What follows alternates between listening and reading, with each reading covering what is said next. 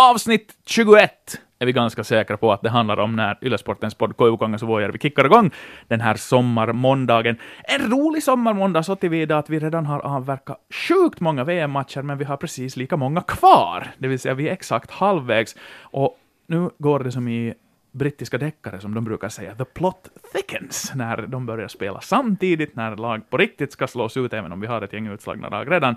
Och 16 lag ska vaskas fram till slutspelet. Jag tycker det är jätteroligt och som ni kanske förstår av den här introspiken så kommer veckans avsnitt att handla uteslutande om fotbolls-VM. Hej Chris och Vuojärvi! Det känns som att jag har sett dig varje dag under det här fotbolls-VM, till och med då du har varit ledig. Hej Antti Koivukangas, det stämmer och vilken ynnest. I och med att som vi konstaterade under förra podden så då du befinner dig vanligtvis i Jakobstad så är det trevligt att också få göra den här podden då så att vi är face to face, öga mot öga. Mm, och jag är så otroligt urban nu så att jag cyklar in där till jobbet vid kvart över nio snåret. I en hipster och, I en hipsterfillare och, och, är faktiskt liksom, känner mig att jag börjar mitt i en sån här metamorfos.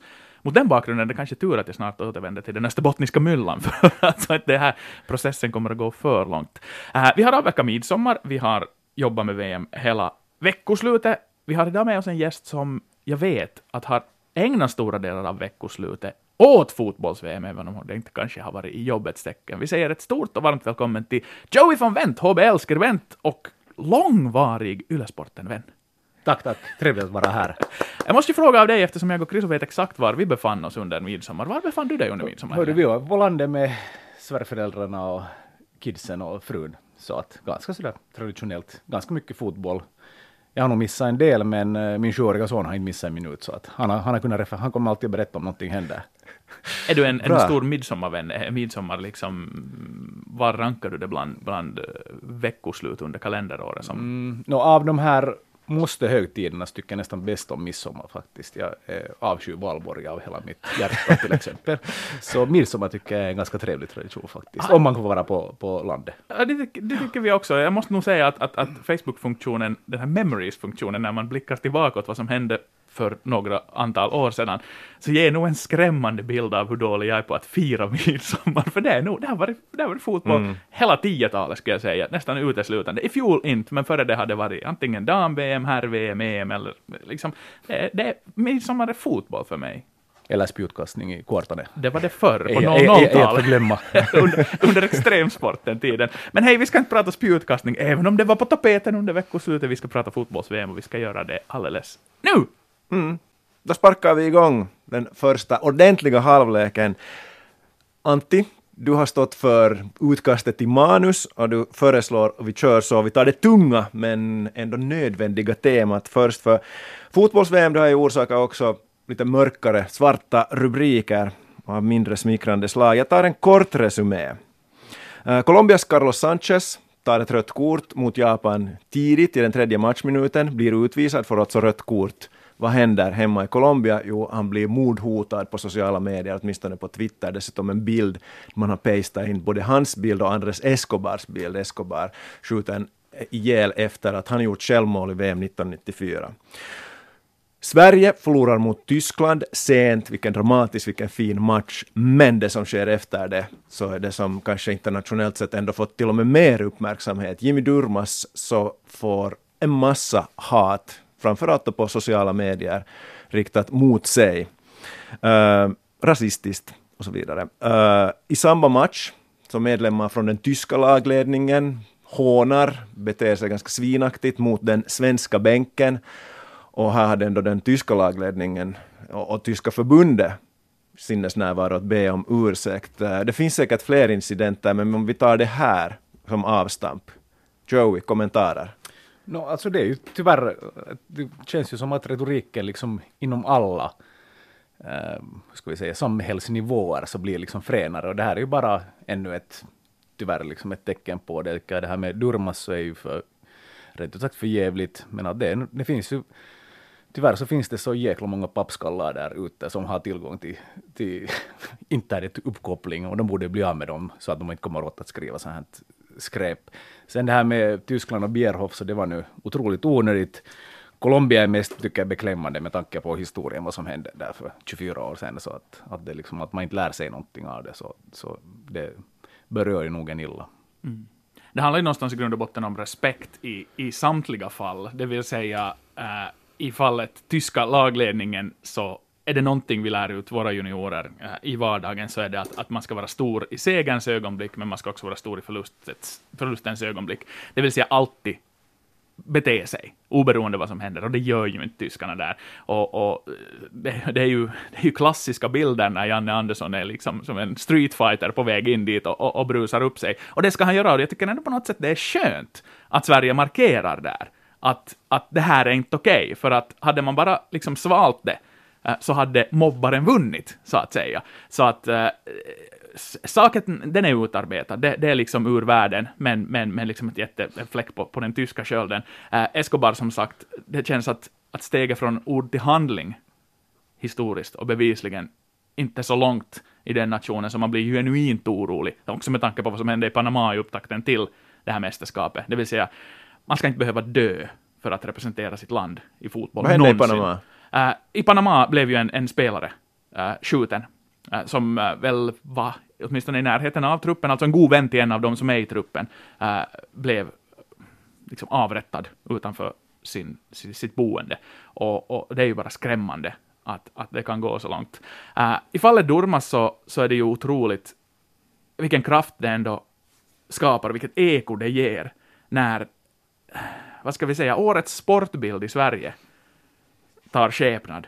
När, när Jimmy Durmas står framför hela sitt lag och, och läser upp det här sin, sin korta statement och, och budskapet är tydligt, fuck racism, från hela det, det svenska laget och lagledningen. Det här får ju liksom ett eko i fotbollsvärlden nu som gör mera nytta, skapar mera diskussion än hundra Fifa-kampanjer. Var det inte så dessutom att Fifa la ner sitt arbete mot rasism för att de hade kommit fram till att det inte finns, så det behövs inte. Men, men när det höjer sitt elaka huvud, vilket det gör nu i fallet av de här keyboardterroristerna i Sverige, så är det på något sätt härligt att, att det är just det svenska samhället som reagerar, och framförallt också den svenska journalistkåren, mm. som tar jättekraftigt avstamp i det här och, och, och, och, går emot och går upp och backar Durmas. Uh, så att uh, det att, att liksom världen får upp ögonen för det här under ett pågående VM i en nation av Sveriges dignitet när det kommer till liksom sådana här jämställdhetsfrågor, arbete mot rasism, så det är jättebra och viktigt. Så att det här, jag hoppas bara att, att det här får någon form av effekt då i förlängningen, för vi har otroligt härliga, brokiga landslag av europeisk utkomst, där, där människor med, med helt olika bakgrunder kommer samman och spelar för sitt gemensamma hemland. Sen har vi ju fallet Shaka och, och Shakiri förstås, som, som rör till i den grytan i Schweiz, men, men det är i sig en helt annan diskussion. Men att, att det är viktigt att komma ihåg att fotboll är för alla, och eh, alla, alla ska få vara med. Mm. Jo, jag tycker kanske jag ska vältalat, jag tycker jag ska bara säga en sak till. Vi ska inte tro, vi ska inte vara så naiva att det här är isolerade fenomen, att det är bara några enstaka pappskallar i Sverige till exempel. För att samhället har förändrats och jag är faktiskt lite skrämd över den ton man kan ta på sociala medier. Och det är ju inte bara där längre, utan, utan det har ju skett övertramp i folkhemmet Sverige till och med.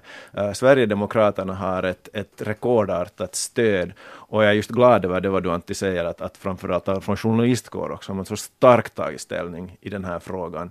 Uh, Simon Bank tror jag skrev igår på Aftonbladet, han har aldrig varit lika stolt över att vara svensk, samtidigt har han aldrig skämt så mycket för att vara svensk. Att det ska gå så här långt, att det svenska landslaget måste ställa upp sig och säga att det här är inte okej. Okay. Och, och det är helt klart att detsamma skulle kunna ske i Finland. Jag är helt övertygad om det. Vi har spelare som, säg en Berat Sadik, om man skulle ha gjort något liknande som, som John Guidetti, eller gjort en Durmas, eller Pyrysoir, för, bara för att han är lite mörkare, eller, eller en Roman Jeremenko. Eller, han, jag kan bara tänka mig hur mycket bröderna Jeremenko har fått skit på planerna under tiderna. Det kunde ske precis samma sak i Finland. Och sker, mm. tyvärr. Så är det ju. Uh, Ett litet sidospår här. Ja. Bra, bra också av Svenska fotbollsförbundet att agera så starkt som de gjorde och sa att de polisanmäler de här hoten, att så här får det gå till. Det är också en bra markering att göra. Att, jag menar, en viss effekt kan det ju också ha. Så att. Mm. Sen heter det ju, om, om vi, vi fortsätter med, med ett lite tyngre tema, um, idrott och politik, det påstås ju att det inte hänger ihop, men det gör det ju. Äh, uh, VM arrangeras i Ryssland och, och mycket, en del snack åtminstone om att, att det här är en PR-kupp för, för Vladimir Putin och att, att uh, han vinner en, en massa segrar i och med detta VM. Håller ni med?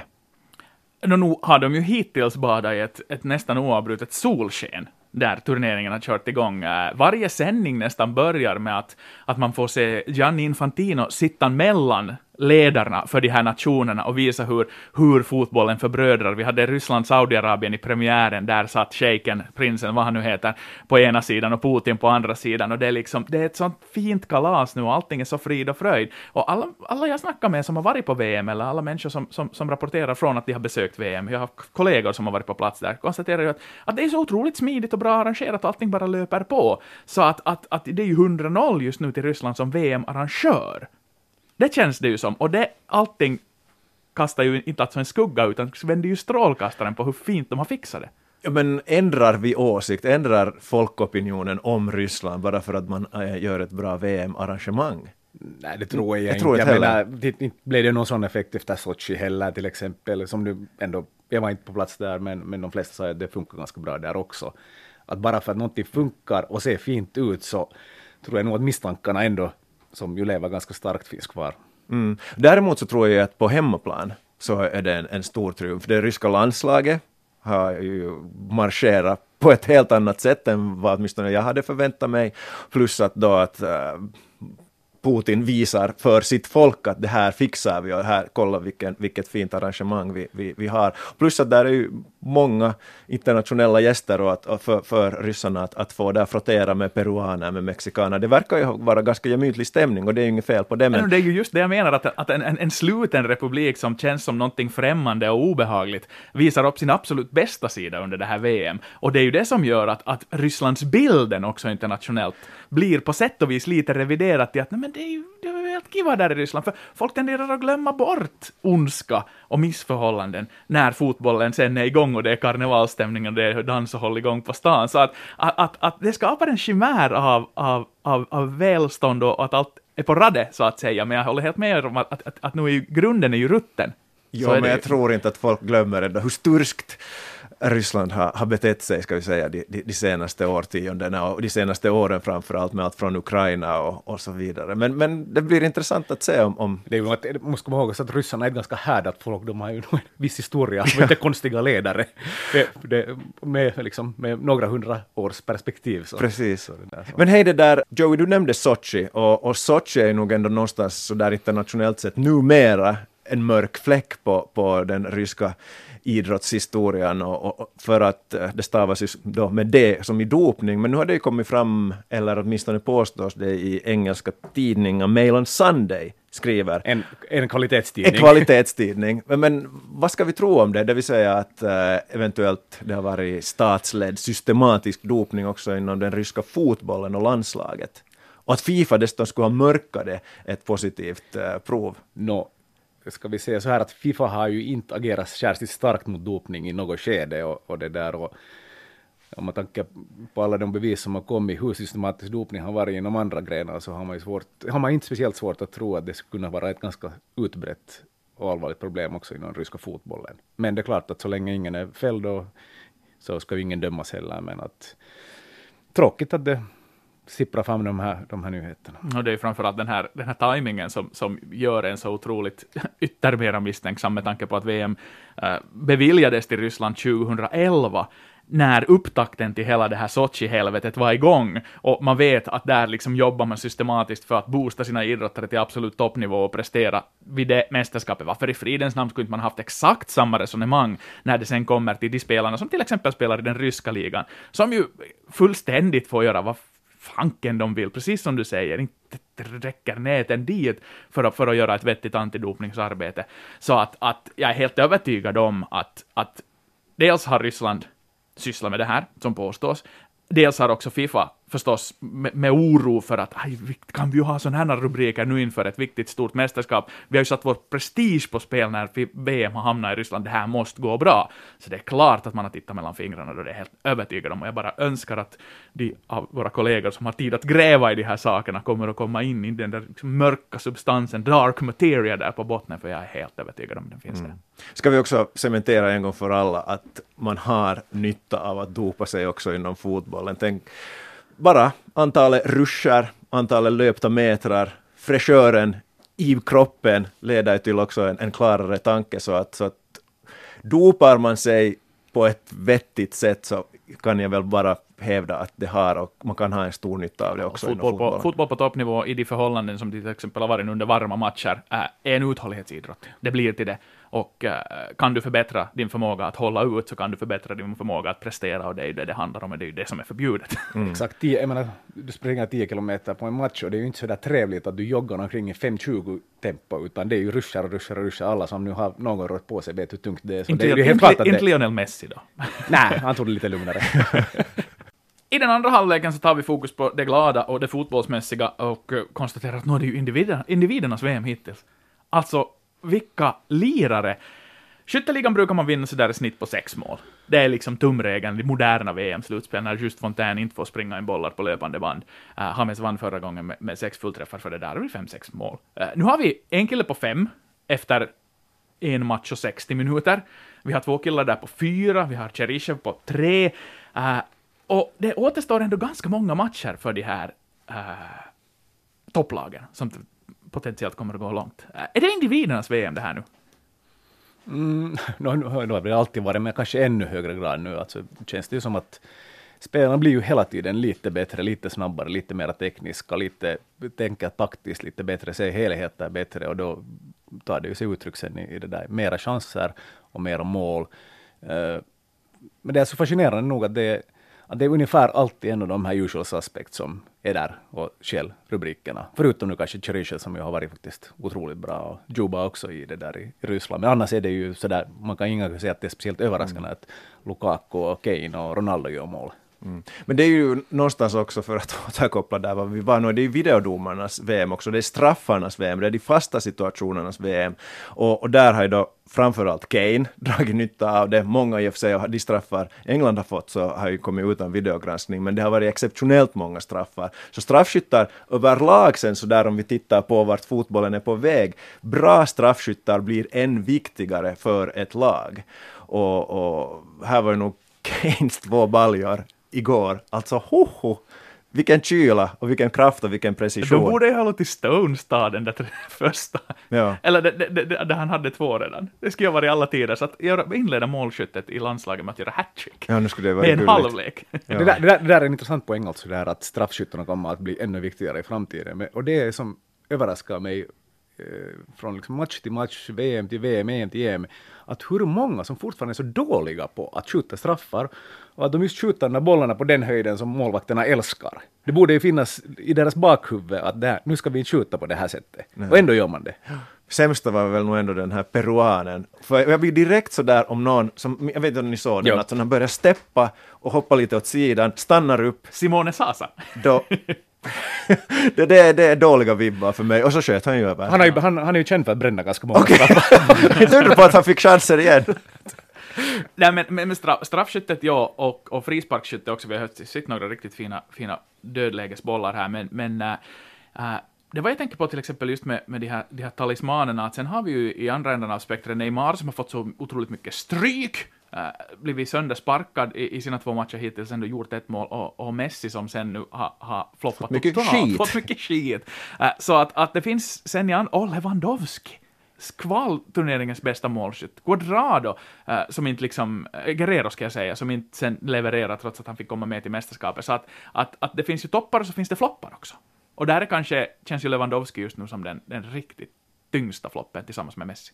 Ja, men Lewandowski, det var man ju inne på i studien också, om jag minns rätt nu igår. Alltså, nu var ju den, den felande punkten och akilleshälen för Polen, alltså de hade ju ingen kreativitet, varken från backlinjen eller mittfältet. Lewandowski gjorde vad han kunde, han skapade ju ett par, riktigt en åtminstone het målchans bara med sitt, sin löpning. Men inte fick han ju några bollar. Han fick Men han har fått bollar. dem i kvalet. Deras motstånd är väl då sämre, antar jag. Mm. Men Joey, du följer sydamerikansk fotboll ganska nära. Detta enigma som är årets Argentina. Vad i fridens namn? Nej, men det har ju varit, alltså, ända sedan Sampaoli tog över så har det ju varit dåligt. Så att han har inte fått det att funka i något skede. Vissa säger att det beror på att Messi i för hög grad får bestämma hur de ska spela, vem som ska spela och så vidare. Och laguttagningen väckte ju vissa frågor också.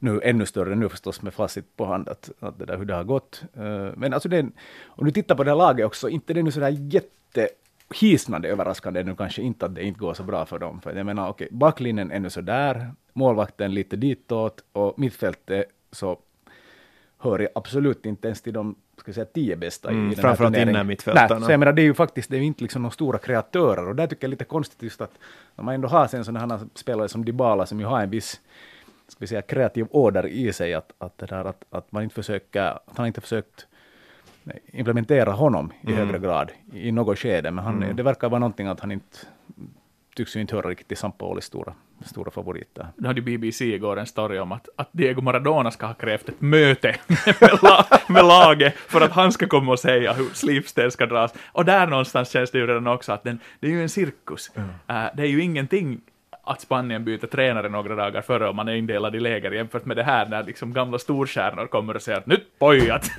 jag berätta hur ni ska göra det här. Hej, på tal om storstjärnor, guldstjärna i kanten för Higita och Valderrama ja. igår. Vilka mysfabon. ja. Och samma frillor fortfarande Exakt. 20 år senare. Bra hår, växt sådär i grund och mm. botten. Jag kan ju bara ja. säga att ja. det har börjat tunnats ut rejält här, men de har nog svallet kvar. Från individerna till lagen då. Konstaterar ju kanske här att Argentina inte funkar. Uh, vem flyger och vem harvar just nu av lagen när vi går in i den här avgörande fasen, sista gruppspelsmatcherna? Kriso? No, om vi bortser då de här storfavoriterna som, som vi talade om redan inför turneringen, så är det två lag som jag tycker att har varit spännande. Mexiko och vi, det bland svenska journalister, vissa i alla fall, har lyssnat på poddar och så vidare, så att nej, det här, Mexiko, det är ju dassigt och att inte de hade så bra spelare. Men det, jag tycker att det är ett jättespännande lagbygge och Irving Lozano är en av de större stjärnorna tills vidare i mina papper i hela VM-turneringen. Och sen var jag nog jätteimponerad av vad Colombia gjorde igår. I och för sig förlust i öppningsmatchen, men man spelar i praktiken hela matchen med 10 mot 11 mot Japan. Och ganska klumpiga taktiska val där av Peckerman i den första matchen. Men igår när Hames är tillbaka, när de har Quadrado, när de har Falcao, vilken solskenshistoria att ha honom tillbaka på den där nivån. Och Quintero, då, den här köttbullen där som, som offensiv mittfältare, så det kan gå hur långt som helst. I och för sig är knepig match genast i nästa omgång mot Senegal, men de här två, Mexiko och Colombia, har varit, har, tycker jag imponerat. Nej, jag, jag alltså skriver under, nu kanske lyfta dit med Senegal, fast den har varit lite, kanske lite ojämnare, men, men eh, eh, framförallt Mexiko, så de spelar ju alltså den bästa fotbollen hittills, den trevligaste att titta på, det går snabbast och det är så liksom grym energi och offensiv lust, mera sådär att man tänker att hey, vi, vi, har, vi är så bra att vi, vi kan ta lite risker, spela på små marginaler, utan att vara speciellt rädda för att tappa bollen. Det har man inte gjort speciellt mycket heller i hela turneringen. Mm. Plus att de är anpassningsbara, ja, ser det ja, ut som. Att, ja. att, mot Tyskland så var det idel kontringsfotboll, ja. men sen i följande matchen så mot äh, Sydkorea då, så, så tog man ju genast och koppla grepp om matchen och, och rulla boll. Det är ett symptom på ett bra fotbollslag att kunna vara så adaptibla, för att mm. vi har nationer som kan gå långt på ett enda sätt. Ta till exempel Island 2016, som byggde på, på ett system att vinna matcher på. Eh, ensidiga lag kan gå långt i turneringar, men mångsidiga lag vinner turneringar. Förmågan att, att ändra och, och, och skapa förändring. är... utöver de här lagen som ni lyfter fram, så skulle jag vilja lägga en hacka på att Kroatien har någonting roligt på gång just nu. Eh, de får ju en bjudning av Caballero som öppnar spjällen, men med Modric och Rakitic där centralt, eh, så har de nog ett, ett pannrum som, som kan skapa harmoni, lyfta hela omgivningen, göra dem bättre. Det vill säga, de ger så mycket understöd åt alla håll, både offensivt och defensivt och åt sidorna, så att de liksom, de höjer det kollektiva spelets nivå. Och, och sen, på tal om ensidiga lag just nu, ett lag som har visat att de har klös, är Belgien, men jag är ju oerhört orolig för Derek Boyata och två halvskadade Tottenham innebackar. Och sen har du Meunier och Carrasco, som ju inte liksom några defensiva giganter. De är bra på, på sista tredjedelen, men, men jag är rädd för att the real Belgium will stand up i matchen mot England, och då får vi se hur bräckligt det där försvaret sen kan komma att vara. För att skulle det bara handla om anfallsfotboll, så är jag på Petri Passanens linje här när han i studion, för övrigt lysande expert. Mm, mm herre du milde, lite man-crush på hans inställning. Ja, sådär för att bara hur han tar sig an uppgiften. Men, men det är att, att ska du ha ett gäng som ska bryta sig igenom ett lågt spelande försvar, så skulle han alla dagar i veckan ta Belgien.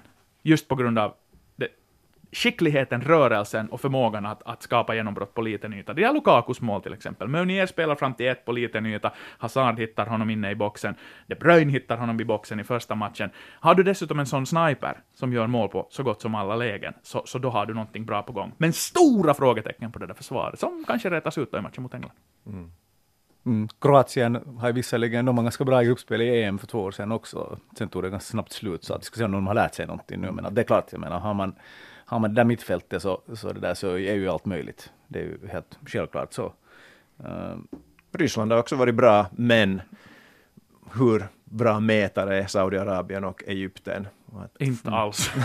Intressant, intressantare idag förstås mot, Mm, mot Uruguay. Exakt. Så, så det säger ju betydligt mer om vad de egentligen Samtidigt en match som båda inte behöver satsa så där, så tarmarna spricker. Nej, Nej, för det är väl sådär liksom sen att, att det är ju pest eller kolera. Exakt. Inte det är någon skillnad Nej, vem du Spanien, hamnar på. Det blir jobbigt oberoende. Så att det, och det är ju det som blir så kul med de här avgörande matcherna här, att, att vissa har möjligheten att spela på resultat, det vill säga de vet vad som har hänt före, de vet vem som är den ettan och tvåan, medan andra inte har det. Och, och vem bänkar vem, hur mycket vilar Kroatien sina stjärnor. Det är så skönt när till exempel Roberto Martinez sa efter, efter Belgiens seger, Jag tycker om att du kallar honom Roberto. Roberto, ja, grejen är den att jag lyssnade på en timmes podcast med honom och han är ju fullständigt britifierad. Ja. Så det här, men, men äh, efter matchen på presskonferensen, han hade alltså då bytt ut alla, de tre främsta, Lukaku, eh, Hazard och Mertens, så sa han ”oh, de, de har alla Nox. Att det är stora frågetecken. Så, eh, no shit. Sen har du ju ganska bra reserver att ta in till, men att där, där kommer... Eh, England-Belgien kan bli en rolig match just på grund av vem som spelar. Det också. För Southgate är också slug i det här fallet. Inte, han vet att inte han behöver förta sig Desto, nu. mer klassisk fotbollsmiljö i Kaliningrad. Det är lite extra stort. Ett lag ändå som jag faktiskt lyft fram lite som, som har lite flugit under radar på något sätt, är faktiskt Iran. Och jag tror att alltså, det kan bli ganska tufft för, för portugiserna i, i det där, ikväll mot dem. Och, men det som jag tyckte var mest fascinerande med Iran var att som Spanien-matchen, när de i en timme inte ens försöker spela fotboll, och så tappar de in en balja, så plötsligt äger de hela matchen. Det är bara tur att inte spanjorerna tappar in med två eller tre. Så att, hur tänker man där, om vi är så jäkligt bra, varför ska vi spela då som vet du, Myllykosken pallo plötsligt? Ursäkta nu, vet du, det var ett dåligt exempel. Eller, vet du. Det går ju förresten bra. Ja, det, exakt. De är Jag sa, att det var, jag sa att det var ett dåligt exempel. så, så det där, eh, liksom ännu med en, med en ganska eh, rutinerad och renommerad tränare Mm, i verkligen. eh, att han på något sätt faller i den där liksom gruppen. Och, jag menar, för Spanien har ju sådär balansmässigt sett så har de ju inte varit speciellt imponerande överhuvudtaget. Att, just mot Iran hade de ju mera tur än skicklighet att, att, att de vann. Eh, Vi får se om Sebastian Strandvalls tips som svart häst i den här turneringen är det som slår in, för att han lyfter ju fram dem inför turneringen med sin lokalkännedom, så att det här Iran, stormvarning där. Sista halvleken, eh, ni som har lyssnat på podden vet vart det här barkar. Vi ställer alla en fråga till varandra. Antti, du är först ut. Yes!